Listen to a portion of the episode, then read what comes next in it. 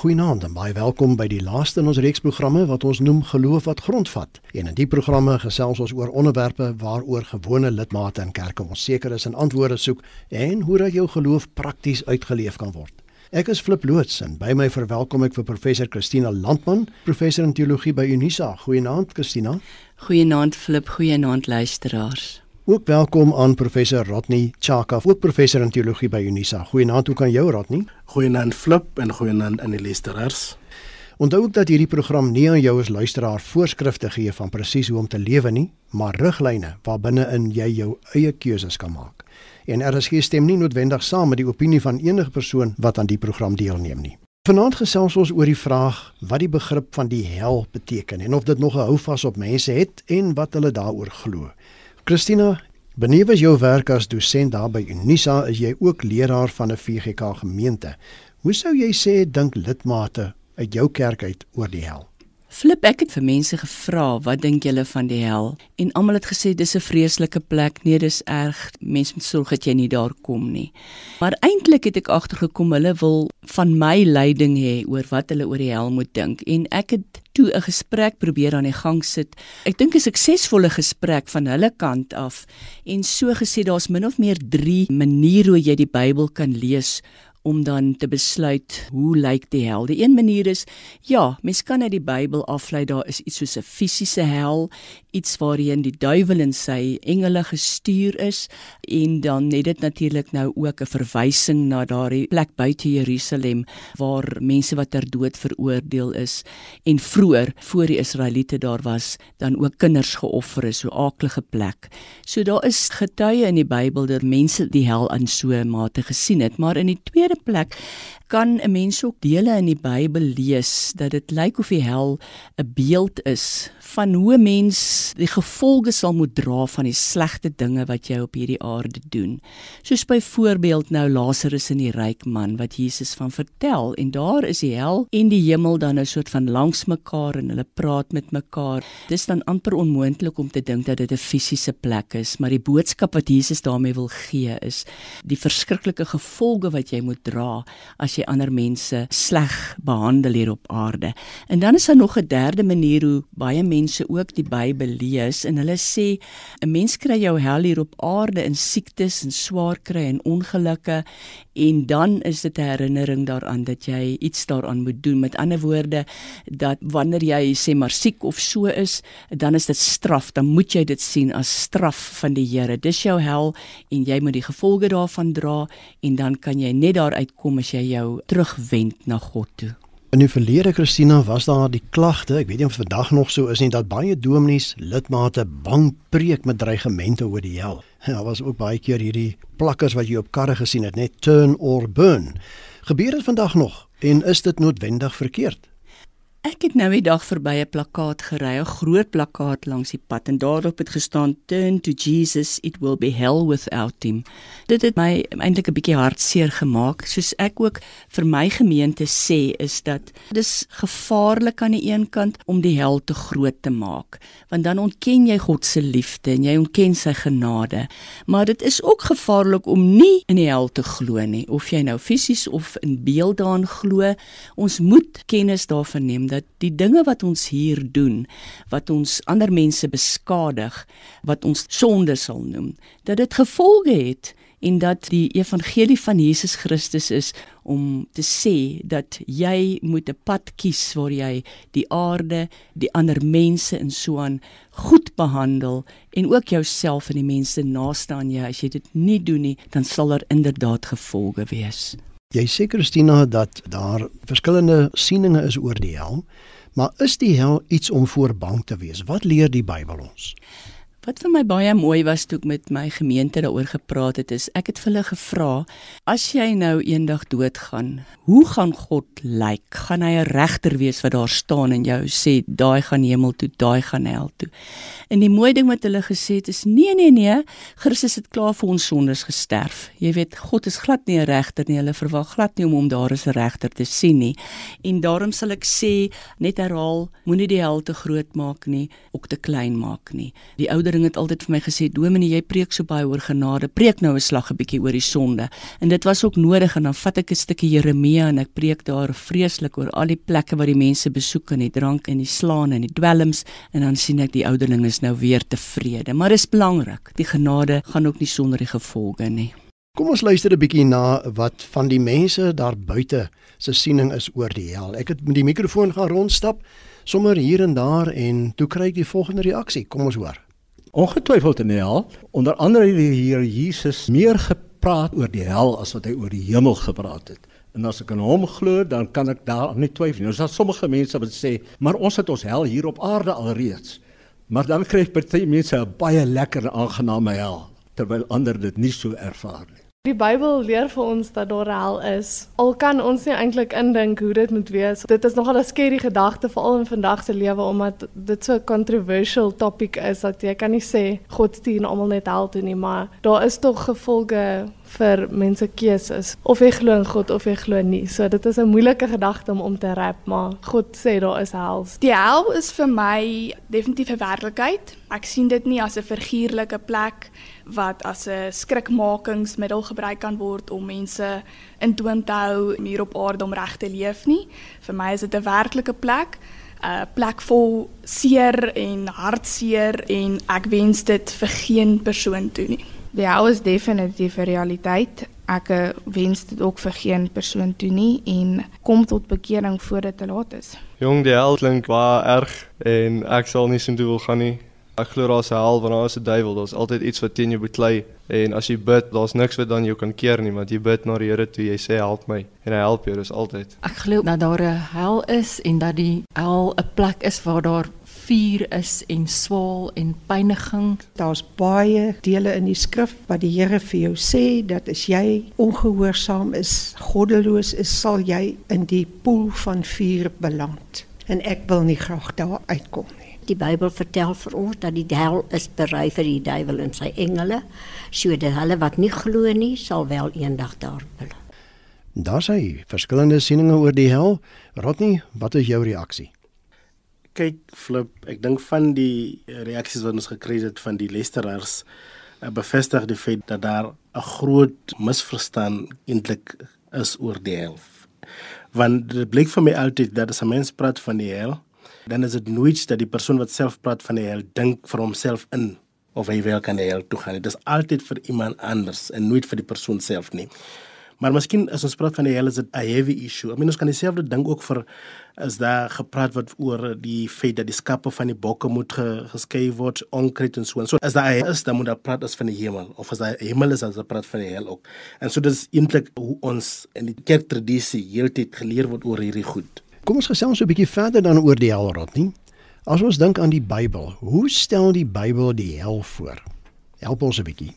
Kyk, die Bybel praat van die hel. Ek meen in die evangelies, Jesus praat self ook van die hel en die hel word verduidelik as 'n plek van groot swaar kry. Maar ek dink ook hoe moet 'n mens regtig praat oor die hel? Het ons 'n gesonde woordeskat om te praat oor die hel? En dis een van die redes hoekom baie van die mense voel die hel of sprake oor die hel is net om mense bang te maak. Ons kan ook nie van die hel praat as ons nie dink van die Dante's Inferno nie. Want die gedagte wat opkom gewoonlik as jy praat van die hel is amper eensydig. Ek bedoel as ek nou vir jou kan vra om jou oor te maak en te dink van die hel, dan is dit amper dieselfde gedagte wat ek ook self ook het want meneer Renaissance het hierdie beelde so duidelik geraak, grondgevat by ons dat ons dink dis hoe die hel is.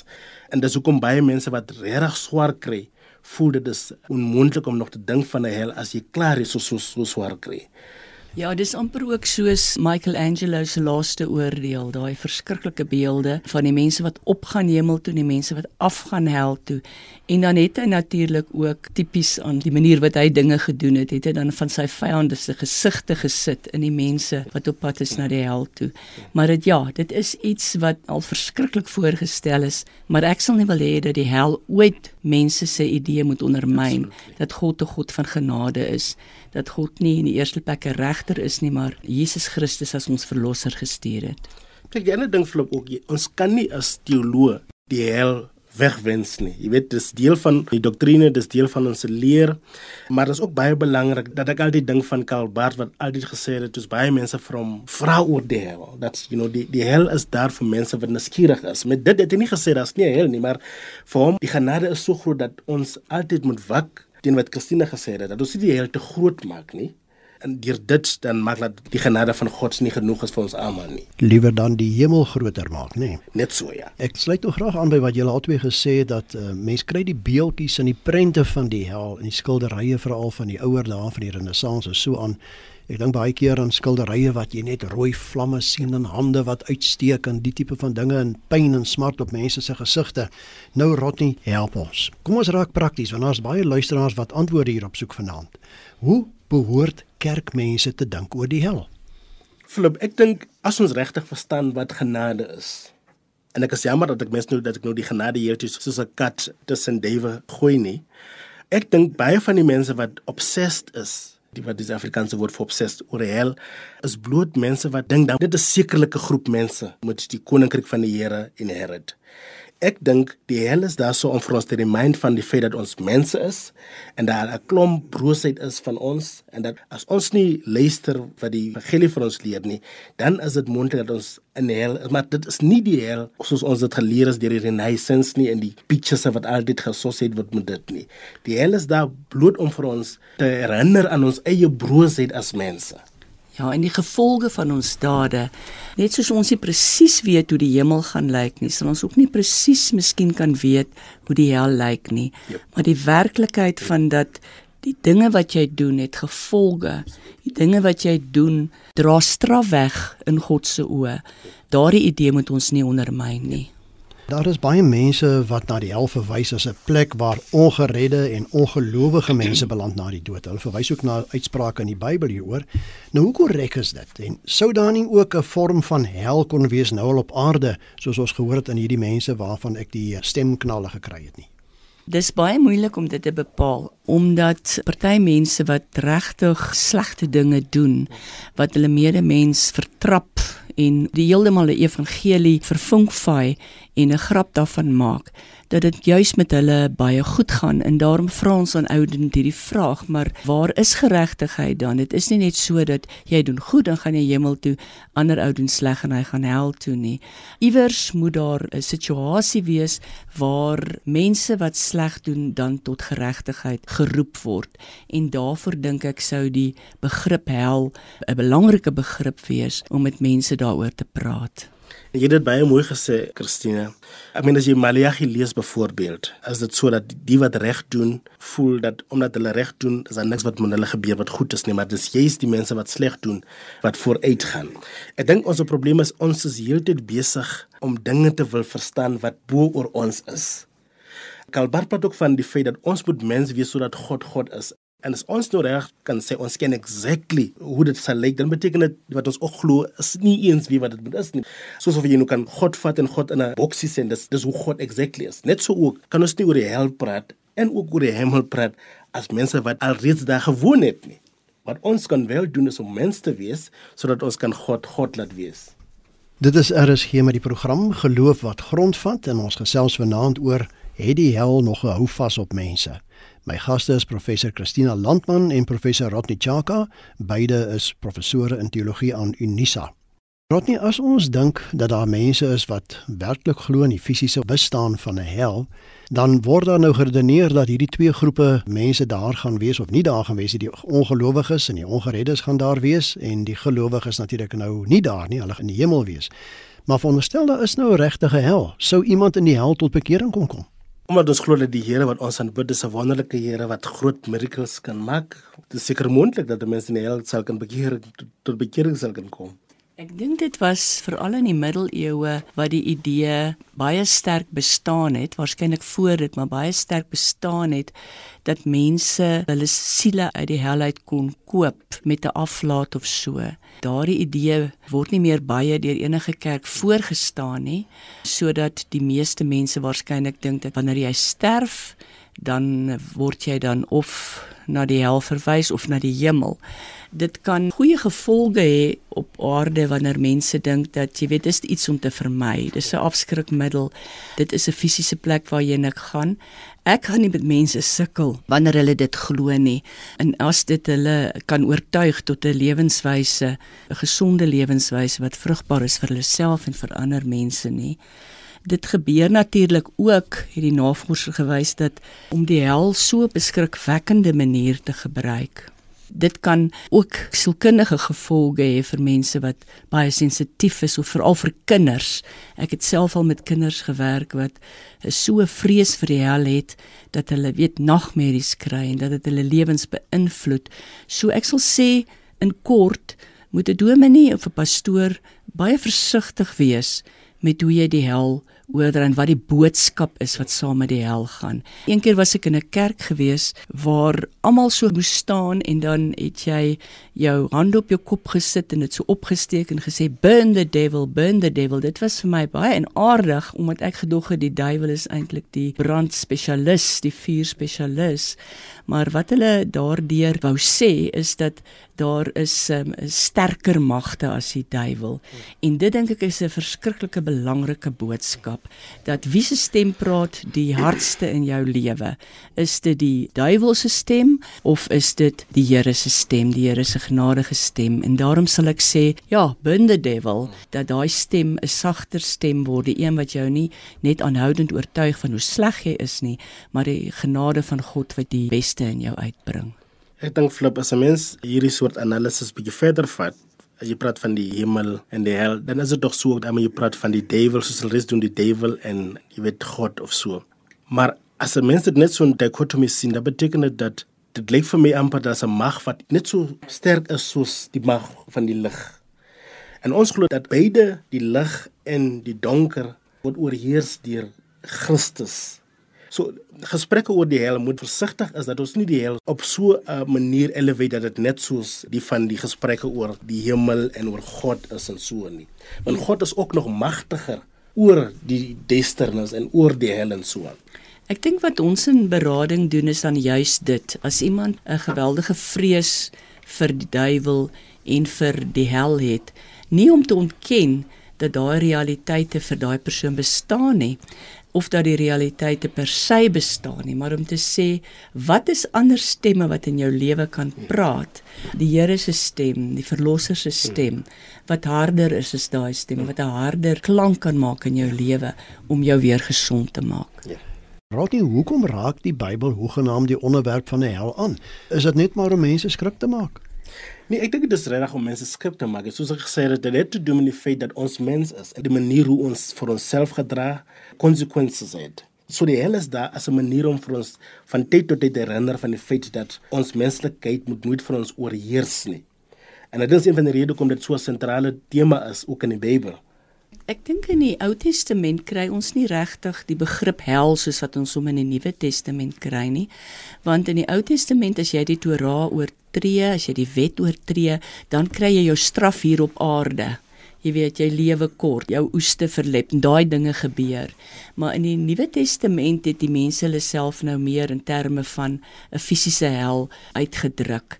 Maar die boodskap dink ek bly dieselfde. Is slegte keuses kan jou na 'n slegte gevolge lei, maar daar's nog altyd 'n kans om jou om te draai na Jesus Christus se verlossingsboodskap van heel word, van jou lewe verander, van vergewe en van goeie keuses in jou lewe te neem. Ek wil baie graag hê ons moet by van die SMS'e uitkom.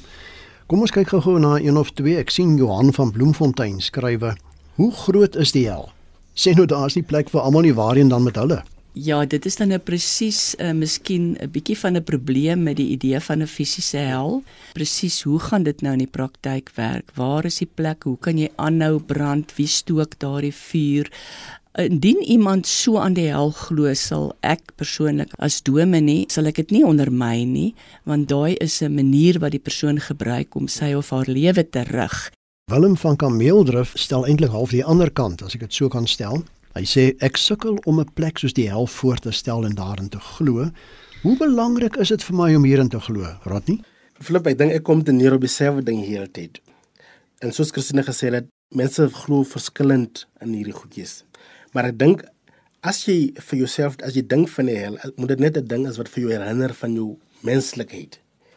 Die broosheid, die foto wat ons maak en hoe die hel of die gedagte van die hel vir jou aankikker of aanspoor om te doen doen wat net goed is.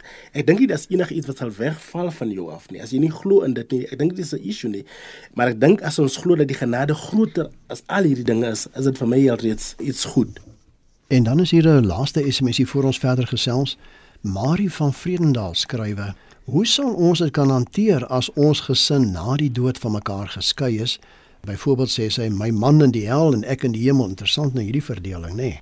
Ja, wie dit was my interessant. 'n Naweek of 2 gelede het ek met 'n groep vroue te kamp gehad. En uiteindelik het ons toe gesê as jy nou vir Jesus een vraag kan vra, wat sal jy hom vra? En die vraag wat die meeste vroue onafhanklik van mekaar wou vra is: Hoe gaan ons met mekaar kommunikeer na die dood? Selfs al is ons almal in die hemel, gaan ons mekaar erken? Dit is vir hulle 'n baie groot vraag. En nou het ons nou Lazarus en die ryk man wat daar oor en weer tussen die hemel en die hel eintlik met mekaar gekommunikeer word. Maar eintlik moet ek maar net sê ek weet nie. Maar dat ons net kan glo dat in die hemel dit die hemel sal wees. Dat ons uh, die hel vrygespring het weens ons geloof in ons verlosser maar dat ons hoe ons ook al in die hemel sal wees dit sal vir ons hemel wees. Kom ons rond af kollegas. Kom ons begin 'n bietjie saamvat. Rodney waar pas die hel in by die Bybelse boodskap van 'n oordeelsdag en die skeiding van die skaap en die bokke? Ek dink jy het heel in die begin juis daarna verwys ja. Ek is jammer dat ek ouers wat hier dit preek oor die genade flip vir my glo ek die genade is so genoeg dat dit nie eens iemand moet uh, hastig maak of angstig maak oor hoe hulle sal geskei word. Ek dink die feit dat ons die genade kry sonder dat ons dit verdien is vir my al reeds 'n uh, ding wat vir my sê dat die Here is lief vir my net soos ek is. En alhoewel ek ook miskien nou 'n groot sonder is, is die Here nog altyd lief vir my en as daar altyd 'n kans dat ek kan omkeer en omdraai. Ja, ek sal ook ten oulaas wil sê dat ja, inderdaad Jesus verwys baie na die hel en ook Paulus verwys na 'n plek van ewige pyn. En ek dink dit is daai oproep vir mense om hulle self te dissiplineer tot 'n gesonde lewenswyse waarin jy doen wat goed is, nie net vir jouself nie, maar vir jou medemens. En en dit is wat ek dink dan in daai tipe gesprekke en in daai tipe woorde ons na die hel moet verwys. Maar waarom sou God Christina wat beskryf word as 'n God van liefde iets soos die hel geskaap het of dit nou figuurlik of letterlik is? Ek kan maar net die tradisionele antwoord gee en dit is ons verstaan nie altyd God se wil nie. Iets so verskriklik soos HIV het God dit geskape. Dit is die vraag wat ons heeltyd vra. Want sien, die punt is lyding en swaar kry het nie sin nie. Ons kan daaraan sin gee en dan kan ons na aanleiding van voorbeelde uit die Bybel uit kan ons sin daaraan gee en sê maar hierdie ding wat met my gebeur het is straf vir wat verkeerde goed, goed wat ek gedoen het. Maar hierdie ding maak ek ook sin daarvan dat eendag sal dit my ten goeie wees dat ek hierdie swaar kry gekry het. Ek is gewond maar dit het my sterker gemaak. Iets daarvan. Ons kan daai sin gee omdat ons godsdienstige en gelowige mense is Dit dan al in vanaand se geloof wat grondvat. Dit is dan ook die laaste in ons reeks. Baie dankie dat julle almal saam geluister die afgelope 13 weke. Baie dankie ook aan my gaste vanaand, professor Christina Landman en professor Rodney Chaka, beide professore in teologie aan Unisa. Dankie vir julle twee se bydraes. Nou Christina, Rodney, indien van ons luisteraars verder met julle wil kommunikeer, hoe kan hulle dit doen? Christina Hulle kan gerus my 'n WhatsApp of 'n SMS stuur by 0823772574. En Rodney? Hulle kan vir my uh kontak by rschaka@gmail.com. Ek dink jy moet dit net vir ons spel Rodney. R S T S H A K A@gmail.com. En my kontakinligting is flip by mediafocus.co.za. Ek groet en ek wens julle alles wat mooi is toe. Totsiens.